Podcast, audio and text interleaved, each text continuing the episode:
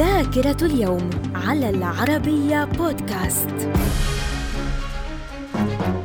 أهلا بكم إلى ذاكرة اليوم الثالث عشر من مايو في العام 1110 القوات الصليبية تحتل مدينة بيروت التي أطلقوا عليها اسم جوتيه بعد حصارها أحد عشر أسبوعا. وفي العام 1703 الروس يحتلون مصب نهر نيفا ويضعون أساس مدينة سام بطرسبورغ.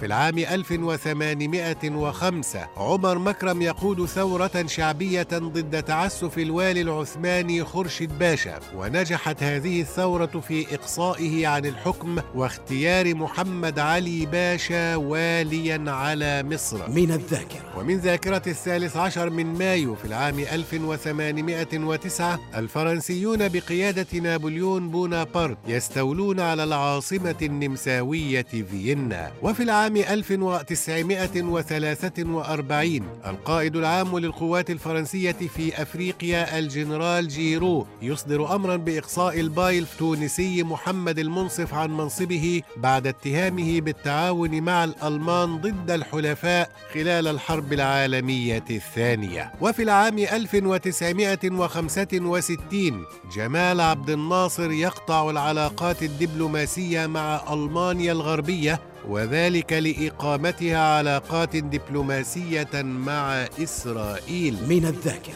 ومن ذاكرة اليوم الثالث عشر من مايو في العام 2011 الرئيس الأمريكي باراك أوباما يعلن عن استقالة مبعوث السلام في الشرق الأوسط جورج ميتشل ويعين نائبه ديفيد هيل خلفا مؤقتا له. وفي العام 2014 انفجار في منجم للفحم الحجري في تركيا يودي بحياة أكثر من 200 عامل. في العام 2015 مقتل 45 شخصا على الأقل في هجوم مسلح على حافلة في كراتشي أكبر مدن باكستان. وفي العام 2016 مقتل مصطفى بدر الدين القيادي البارز في حزب الله اللبناني قرب مطار دمشق الدولي. من الذاكرة. ومن مواليد اليوم الثالث عشر من مايو في العام 1160 ابن الأثير الجزري أحد كبار المؤرخين المسلمين. وفي العام